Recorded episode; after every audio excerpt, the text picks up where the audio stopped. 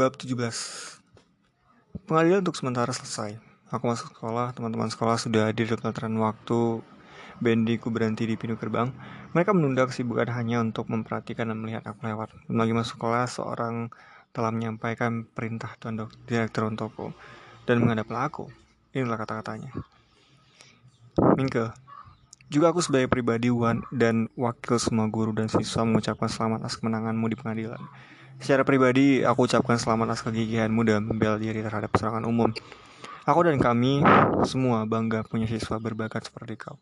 Sidang pengadilan telah diikuti oleh para guru dan siswa, tentu kau sudah tahu juga.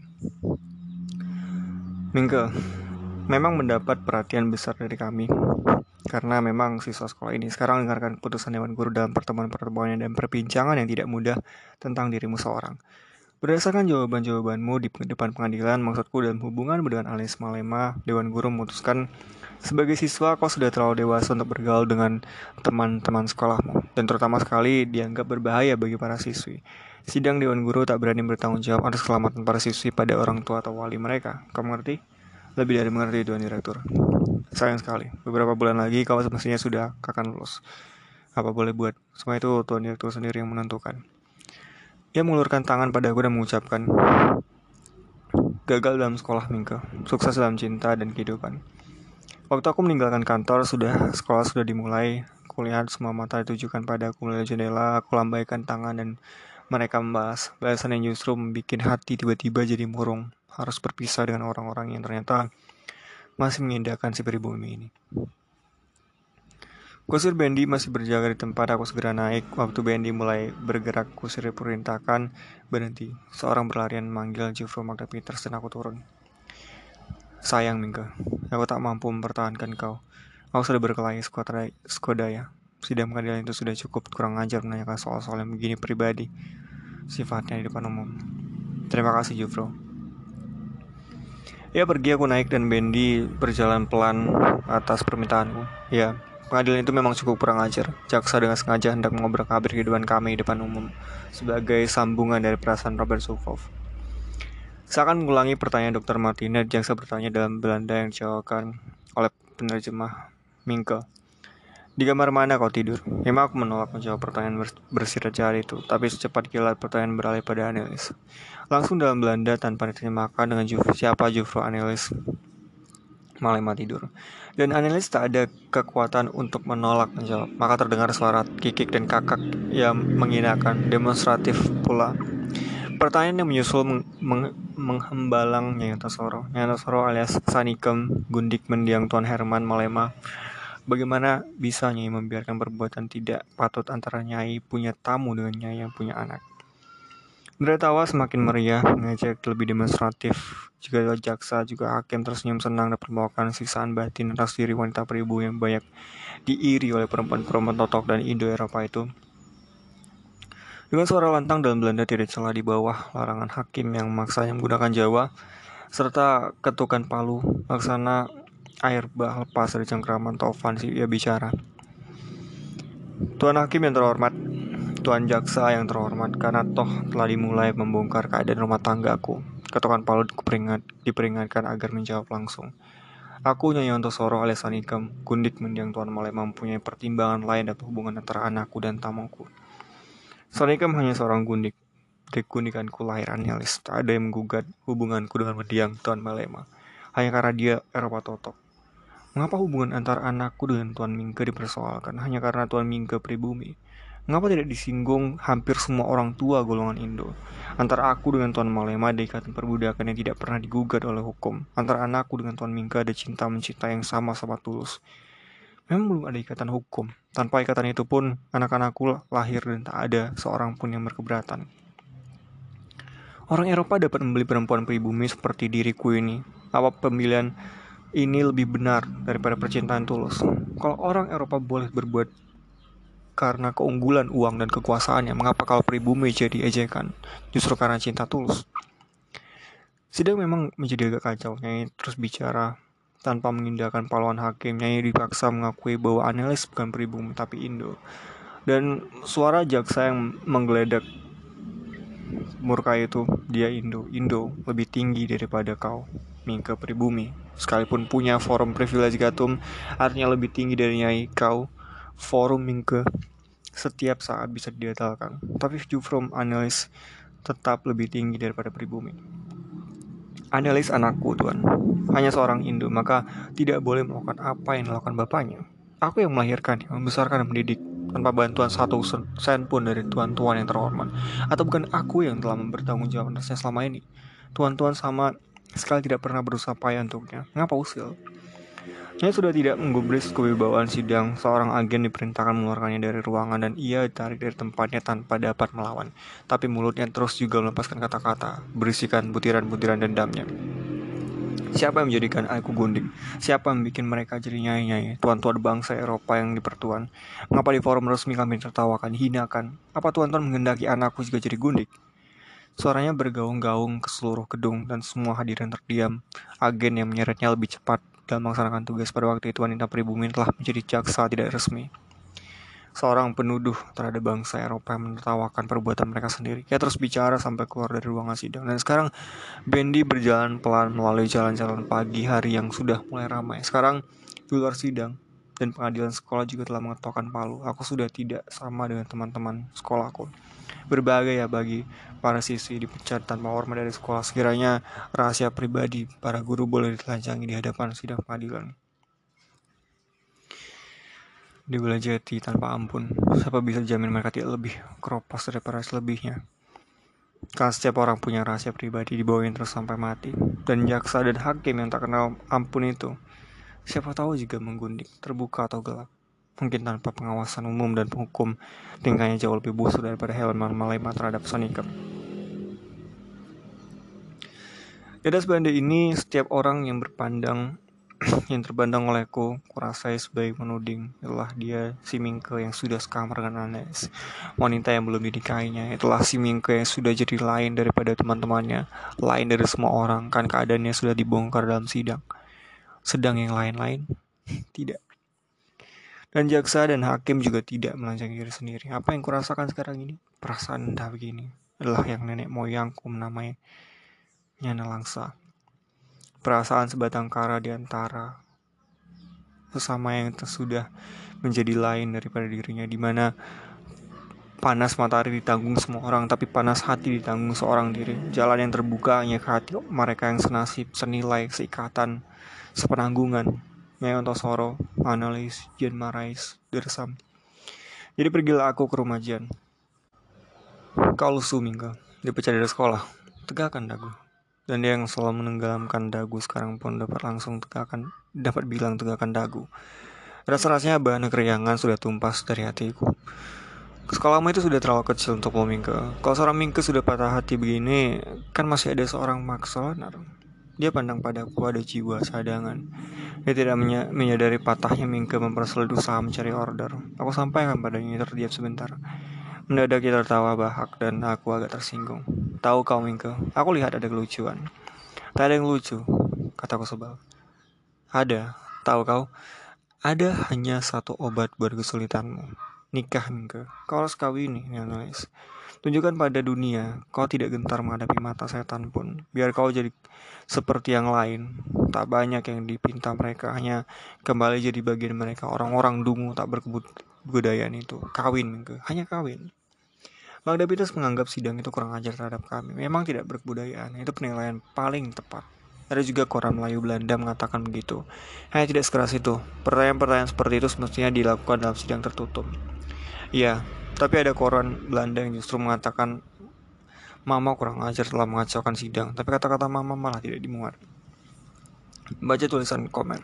Dia marah seperti singa terluka. Dia ada pada pihakmu. Ceritakan, ceritakan sajalah, aku segan baca. Tulisnya, perbuatan jaksa dan hakim itu menghina semua golongan Indo-Eropa yang berasal dari pergundikan dan pernyanyian. Anak-anak mereka kalau diakui ayahnya menjadi bukan pribumi, tidak diakui menjadi pribumi. Artinya pribumi sama dengan anak gundik yang tidak diakui sang ayah. Ia juga mengecam pengungkapan perkara pribadi. Kamer menilai jaksa dan hakim itu tidak berbudi Eropa, lebih buruk dari pengadilan pribumi yang melakukan Wiroguno atas dari atas diri Prono Citro barang 205 tahun 10 tahun yang lalu minggu siapa mereka aku tak tahu Lain kali saja lah aku ceritakan. Sampai di rumah aku langsung masuk kantor mengabarkan rencana bencana baru itu dan mah bagaimana pendapat mama kalau kami kawin. Tunggu, apa hendak diburu? Aku ceritakan tentang kesulitan yang menimpa usaha aku mencari order, mungkin akan menimpa usaha Jan Marais juga. Apa boleh buat nak? Nyesal belum bisa meluluskan hari-hari persidangan telah banyak merugikan perusahaan. Kemerosotan harus disusul lebih dulu karena nak tanpa perusahaan berjalan baik keluarga ini akan kehilangan kehormatannya. Aku harap kamu bisa mengerti. Aku perhatikan bibirnya yang bicara dengan tenang itu, ya benar-benar mengharapkan pengertianku. Mingga, telah lama kurenungkan keanehan hidup ini. Kalau aku tak berhasil menyelamatkan perusahaan ini, aku akan merasa jadi nyanyi biasa yang boleh dihinakan semua orang. Dipandang dengan sebelah mata, Analis akan sangat menderita. Percuma aku nanti sebagai ibunya. Dia harus lebih terhormat daripada seorang Indo biasa. Dia harus jadi pribumi terhormat di tengah-tengah bangsanya. Kehormatan itu bisa didapatnya hanya dari perusahaan ini. Memang aneh, kan? Begitulah maunya dunia ini. Anda sendiri sedang bekerja di belakang. Duduk di kursi dalam kantor begini masalah totok, Kindo dan pribumi membayang di hadapan mata batinku, menggusur kelangsaan sendiri. Unsur-unsur itu membentuk jaring-jaring kehidupan laksana jaring laba-laba. Dan tengah-tengahnya adalah si laba-laba, gundik atau nyai-nyai. Dia bukan menampung semua korban yang yang datang padanya. Sebaliknya, jaring-jaringnya menangkapi semua penghinaan untuk ditelannya seorang diri. Dia bukan majikan biar hidup sekamar dengan tuannya. Dia tidak termasuk golongan anak yang dilahirkannya sendiri. Dia bukan Toto, bukan Indo, dan dapat dikatakan bukan pribumi lagi. Dia adalah gunung rahasia. Dan tanganku mulai menulis lancar, pikiran Komer dapat dikatakan tulung, tulang punggung tulisan sekali ini. Dan matahari sudah tenggelam dan tulisan itu mulai mendapatkan bentuknya. Ya Allah, juga kelangsaan bisa menghasilkan sesuatu tentang umatmu sendiri. Kau juga lah yang perintahkan umat untuk berbangsa-bangsa dan berbiak. Hubungan laki perempuan yang terjadi karena perbedaan kemampuan sosial dan ekonomi bisa kau ridhoi. Mengapa hubungan itu rela tanpa perbedaan sosial ekonomi begini dasari saling bertanggung jawab gini tak kau ridhoi? Hanya karena belum menurut aturanmu dan semua itu sudah kau biarkan terjadi melahirkan golongan Indo yang begitu berkuasa atas mereka yang lahir dengan keridoanmu. Aku berpaling kepadamu karena orang-orang yang dekat denganmu pun tidak pernah menjawab. Kau yang menjawab sekarang. Aku hanya menulis tentang yang ku ketahui dan yang ku anggap aku ketahui. Bukankah segala ilmu dan pengetahuan juga berasal tidak lain dari kau sendiri?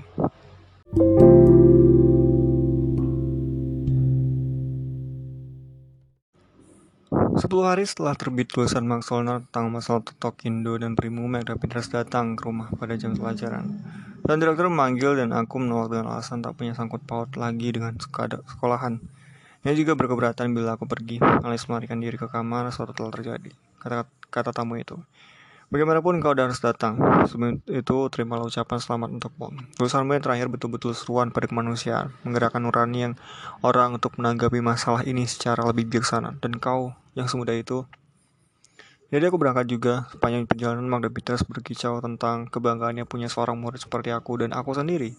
Merasa terbelai setelah pengalaman menggebu belakangan ini. Tuan Direktur menerima aku dengan senyum ramah. Semua murid diperintahkan pulang, semua guru dipanggil berkumpul. Pengadilan liar. Mengapa semua ini dilakukan hanya untukku seorang? Apa pentingnya seorang aku? Tuan Direktur membuka pertemuan dan sudah menjadi tradisi Eropa menghargai prestasi budaya dan manusianya. Juga ada sekeping tanah bernama Surabaya ini, tradisi Eropa harus tetap dapat dipertahankan. Kita tidak akan bertanya bagaimana manusia budaya itu, tidak, karena itu urusan pribadi. Dia dinilai dari prestasinya, dari apa yang dipersembahkannya pada sesamanya. Dan awalnya itu mengantarkan pada tulisanku yang terakhir. Mengharukan, menyentuh nurani waras, lebih dari itu. Benar, Ternyata humanisme Eropa yang tidak dikenal dalam sejarah pribumi Hindia sudah mulai tumbuh dalam diri Max Solener, murid para hadirin sendiri, Mingke. Aku tak tahu makna humanisme Eropa itu secara jelas. Sudah ada tujuh pucuk surat dua sarjana yang telah memproses tindakan kita yang memecat Mingke dari sekolah kita. Ada yang mengatakan orang ini harus dibantu, bukan dipecat. Sekalipun harus ditempuh jalan khusus tuan asisten Residen B malah telah memerlukan datang menghadap Presiden Surabaya untuk bicara soal ini. Tuan Residen sendiri tak punya suatu pendapat, tapi Tuan Asisten Residen bersedia menerima perwal perwalian atas Mingke di HBS ini. Ia juga akan menghadap Tuan Direktur Underwich Fairhead and Eurostance bila usahanya tidak berhasil. Jadi untuk pertama kali kebijaksanaan kita mendapat ujian dan tantangan. Walau demikian, bukan karena ujian dan tantangan ini kita harus mengambil langkah peninjauan, tapi karena nurani Eropa kita yang bernama humanisme. Nenek moyang dan sekaligus peradaban Eropa dewasa ini. Sekarang inilah Mingke Max Tolenar di hadapan sidang Dewan Guru yang terhormat sidang yang melakukan peninjauan kembali dari dan kebijaksanaan baru yang harus diambil. Seperti singa betina kehilangan anak Magda Pinus mencakar dan menerkam untuk kepentingan anak yang hilang. Total kulitnya nampak semakin nyata, matanya mengerdip lebih cepat akhirnya dengan suara rendah, lambat dan sepatah-patah yang menutup dengan Pekerjaan pendidikan dan pengajaran tak lain dari usaha kemanusiaan. Kalau seorang murid di luar sekolah telah menjadi pribadi berkemanusiaan seperti Mingke, sebagaimana dibuktikan dalam tulisan-tulisannya terakhir kemanusiaan sebagai faham, sebagai sikap, semestinya kita berterima kasih dan bersyukur. Sekalipun saham kita terlalu amat kecil dalam pembentukan itu. Pribadi luar biasa memang dilahirkan oleh keadaan dan syarat-syarat luar biasa seperti halnya pada Mingke. Maka usulku, Hendaknya dia diterima kembali sebagai siswa untuk dapat memberikan padanya dasar yang lebih kuat bagi perkembangan di masa-masa mendatang. Sidang itu dengan aku sebagai terdakwa bisu yang tidak mengerti mengapa diharuskan menyaksikan semua ini, akhirnya menerima aku jadi siswanya kembali dengan ketentuan tentu khusus. Harus duduk di bangku terpisah dari yang lain, dan selama di dalam dan di luar kelas tidak boleh bicara dengan sama siswa, baik karena menjawab atau bertanya. Bagaimana pendapatmu, Mingke? Setelah mendengar sendiri semua ini, tanya Tuan Direktur yang nampak hendak bercuci tangan. Selama ada kemungkinan aku akan terus belajar sebagaimana aku kendaki sejak semula. Kalau pintu dibuka kembali untukku, tentu akan kumasuki. Kalau ditutup bagiku, aku pun tidak ada keberatan tidak memasuki. Terima kasih atas semua susah payah ini. Pertemuan itu selesai dengan wajah angker, kecuali Magda Peter, semua guru mengeluarkan tangan ucapan selamat Guru sastra dan bahasa Belanda itu bukan main puasnya dan menganggap semua yang telah terjadi sebagai kemenangannya pribadi. Sebagai upacara perpisahan, Tuan Direktur menyerahkan padaku surat-surat dari Miriam dan Sarah de la Croix tanpa perangko. Sekolahan sunyi, gedung, pelataran, batu-batu kerikil HBS itu telah menjadi sedemikian asing seakan baru pertama kali kulihat. Pandang para guru terasa oleh terasa olehku menggelitik pada punggungku. Aku berjalan langsung menuju ke Bendi tanpa berpaling lagi. Jalan lambat-lambat perintah aku pada kusir maju ke dalam jalan. Langsung ke kantor koran. Di tengah jalan kusir itu berkata, Riko, saya lihat saya lihat Ndoro begitu bocah dan kurus. Iya, ngapa tidak Tatiara Ndoro? Iya nanti, beberapa bulan lagi kalau sudah tamat sekolah. Tiga bulan lagi Ndoro. Iya masih harus bertahan tiga bulan lagi. Apa guna sekolah lagi, Doro? Kalau semua sudah dicukup. Iya, apa gunanya? Tapi kalau sekolah ini tak aku tamatkan, Juki, rasanya aku tak akan lulus dalam soal-soal lain. Doro sudah lulus dalam semua mua. Lulus bagaimana? Oh, itu kata orang. Kayak kata orang, Noni. Kekayaan, kepandaian, kenalan, orang-orang besar, orang Belanda, bukan sembarangan. Begitu kata orang. Iya, Doro. Dan begitu muda, ganteng, sebentar lagi jadi bupati lupakan Ciki lupakan di kantor SN V garis miring DD Martin Management menawari aku bekerja sepenuhnya di sana kalau toh sekolah telah memecat pekerjaan itu akan sangat menarik katanya Walaupun gajinya tidak banyak, hanya 12 setengah golden sebagai jawaban aku ceritakan keputusan sidang Dewan Guru sebentar tadi. Jadi justru Magda Peters membela Tuan dengan berkobar-kobar. Nah iya, Magda Peters. Tuan dekat dengannya. Guru yang paling bijaksana Tuhan. Aku kira ada baiknya Tuhan akan menjauh sedikit. Dia begitu baik. Baik. Dia memang senjata baginya untuk menjerumuskan orang, kira aku. Menjerumuskan? Tentu Tuhan tak pernah dengar menjerumuskan orang bisa juga dengan jalan kebaikan. Menjerumuskan bagaimana? Tanya aku heran. Dia orang liberal fanatik, berlebih-lebihan. Dia termasuk golongan yang sibuk dengan Hindia untuk Hindia. Pernah dengar? Aku menggeleng dia menganggap India sama dengan Netherlands. Itu ciri orang liberal fanatik di India ini. Dia dan golongannya tidak mau tahu tentang banyaknya pembatasan di India. Celaka orang yang berani menentang apalagi melanggar pembatasan. Dan di antara begitu banyak pembatasan itu lebih banyak lagi yang tidak pernah ditulis. Memang di Netherlands ada kebebasan yang utuh. Di sini sama sekali tak ada. Liberal saja tidak buruk selama orang menghormati pembatasan-pembatasan dan tidak bikin onar. Itu sesuatu yang patut Tuhan ketahui. Untung tak ada pribumi yang, terjadi, yang jadi pengikutnya. Coba sekiranya Tuhan terlanjur jadi pengikut, sekali orang liberal dikutuk pemerintah, tak peduli apa salahnya. Kalau dia totok, dia paling-paling diperintahkan meninggalkan Hindia. Kalau dia Indo, akibatnya lebih pahit. Dia akan kehilangan pekerjaan. Kalau pribumi, kiraku, dia akan kehilangan kebebasannya. Disekap tanpa melalui pengadilan. Karena memang tak ada hukum khusus tentang itu. Nah, Tuhan, hati-hatilah, jangan sampai Tuhan hanya kena getahnya. Negeri Tuhan bukan Netherlands, bukan Eropa, India ini. Kalau Tuhan mendapat getah itu, takkan ada seorang pun dari kelompok liberal itu dapat atau menolong Tuhan. Dia tur, dia guruku cuman guruku sendiri. Lihat Tuan Minggu, Hindia Belanda ini berpedoman pada saus, sasus, dan sasus di kalangan atasan di Hindia ini selamanya dapat dipercaya kebenarannya. Memang sudah ada kasus tentang Jeffrey Magdi Peters. Tuhan sudah begitu banyak mendapat kesulitan belakangan ini. Jangan tambah Tuhan.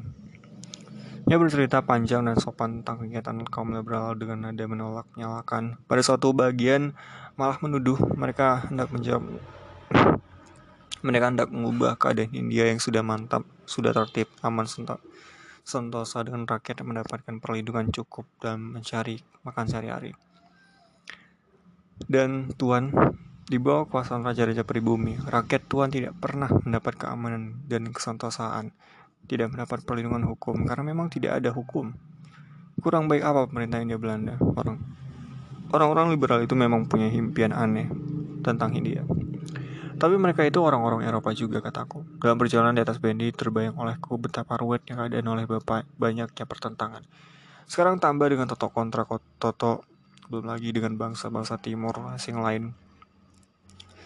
Sedang Martin Nijman juga menghendaki kemanusiaan, tapi ia menolak liberalisme. Ternyata semakin banyak bergaul, semakin banyak pola persoalan yang sebelumnya tak pernah aku bayangkan ada. Kini bermunculan seperti candawan. Manajemen telah memperingatkan agar aku bersiap-siap di di masa kini demi masa datang dan di masa datang itu katanya bisa jadi Magda Peter sudah harus meninggalkan Hindia. Kemungkinan bukan saja ada bahkan terlalu besar kasus yang telah santar yang jadi petunjuk sebelum peristiwa itu terjadi sebaiknya aku menjauhkan diri katanya. Magda Peters hanya diharuskan meninggalkan Hindia tapi Tuhan bisa mendapat tempat yang harus Tuhan diami. Manajemen memang tak, tak mau menerangkan apa saja pembatasan itu. Baik, akan kucoba bertanya pada siapa saja yang sanggup menjawab. Setidak-tidaknya semua ucapannya bisa mengandung kebenaran bila pembatasan-pembatasan itu memang ada dan nyata. Di rumah keluarga telinga telah menunggu surat, surat bunda dan sebagaimana galipnya tertulis dalam bahasa dan huruf Jawa. Gus, semua orang menjadi prihatin mengikuti halmu dari koran.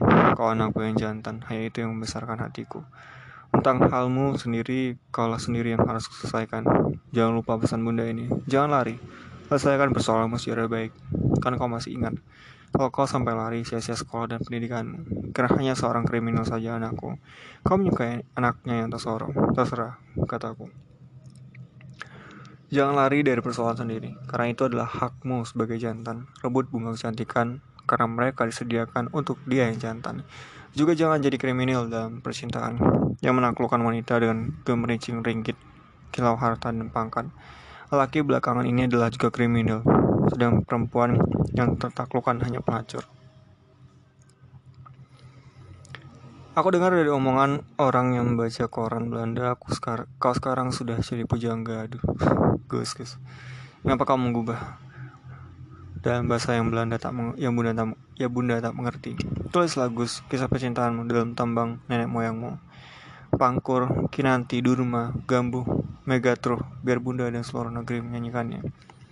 Jangan risaukan ayah andamu, dia punya tembangnya sendiri. Bunda sayang, betapa diri harus disayang, sayangi kau. Kau tak pernah menghukum aku, tak pernah menghadiri putramu ini. Sejak kecil kau tak pernah sekalipun mencubit aku. Sekarang kau tak salam hubunganku dengan Nanis. Kau minta aku menulis Jawa bahasa yang bisa kau ucapkan dengan lidahmu. Betapa aku telah mengecewakan kau, Bunda. Karena aku tak punya kemampuan menulis dalam, dalam tembang Jawa. Irama hidupku membeludak Bunda. Tak tertampung dalam tembang nenek moyang. Hubunganku dengan bunda dirus dirusak oleh mefro telinga dengan rengekan yang biasa. Bagaimana ini tuan muda? Bisa besok tak belanja? Dan itu berarti paling tidak harus keluar, dikeluarkan setalen dari kantong. Di rumah Jen, Mar Jen Marais mendapatkan Mei sedang tidur di kamarnya di, di atas sebuah ambin yang kini sudah diperkasur baru. Hanya tidak berdilam. Jan sendiri sedang termenung. Bengkel di belakang rumah agak sunyi. Jan, mulai besok kau bisa melukis mama. Sebaiknya dilakukan sewaktu ia mengerjakan surat menyurat di kantor. Besok aku mulai masuk sekolah lagi. Sementara ini Mei bisa tinggal di sana selama kau melukis. Aku akan datang minggu. Suaranya masih terdengar sunyi. Sebenarnya sekarang ini aku segan melukis. Kau sendiri yang dulu mengendaki. Dia begitu kuat minggu pribadinya sangat kuat. Memang aku mengagumi dia juga, lebih-lebih dalam sidang pengadilan itu. Seorang yang tabah dia itu, punya konsepsi, aku bisa tenggelam di hadapannya. Aku pandangi dia tenang-tenang, apa dia bermaksud mengatakan telah jatuh cinta pada mama.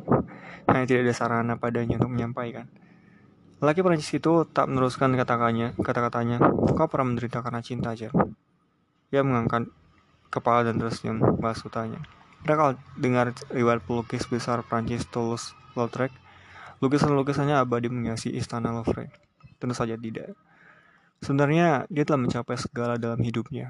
Mengapa Jan? Dia tersenyum ajaib dan tak mau meneruskan. Dalam keadaan masih menguap-nguap Maya menggelondot di pangkuanku. Mandi Mei, mari Wonokromo. Besok pagi berangkat ke sekolahku dengan denganku lagi. Naik Benny dari Wonokromo? Tanya dengan mata menatap ayahnya. Jan Maris membenarkan. Kau juga Jan, tak usah besok. Mari sekarang saja. Kami bertiga berangkat, Benny itu terlalu sesak. Marjuki sudah sejak semula menyatakan keberatannya. Hanya sekali ini saja, kataku menghibur. Dan di malam hari, di bawah kesaksian Jan Maris Titi, diputuskan aku dan Annelise akan segera menikah setelah aku lulus ujian HBS. Dunia dan hati damai bersalaman.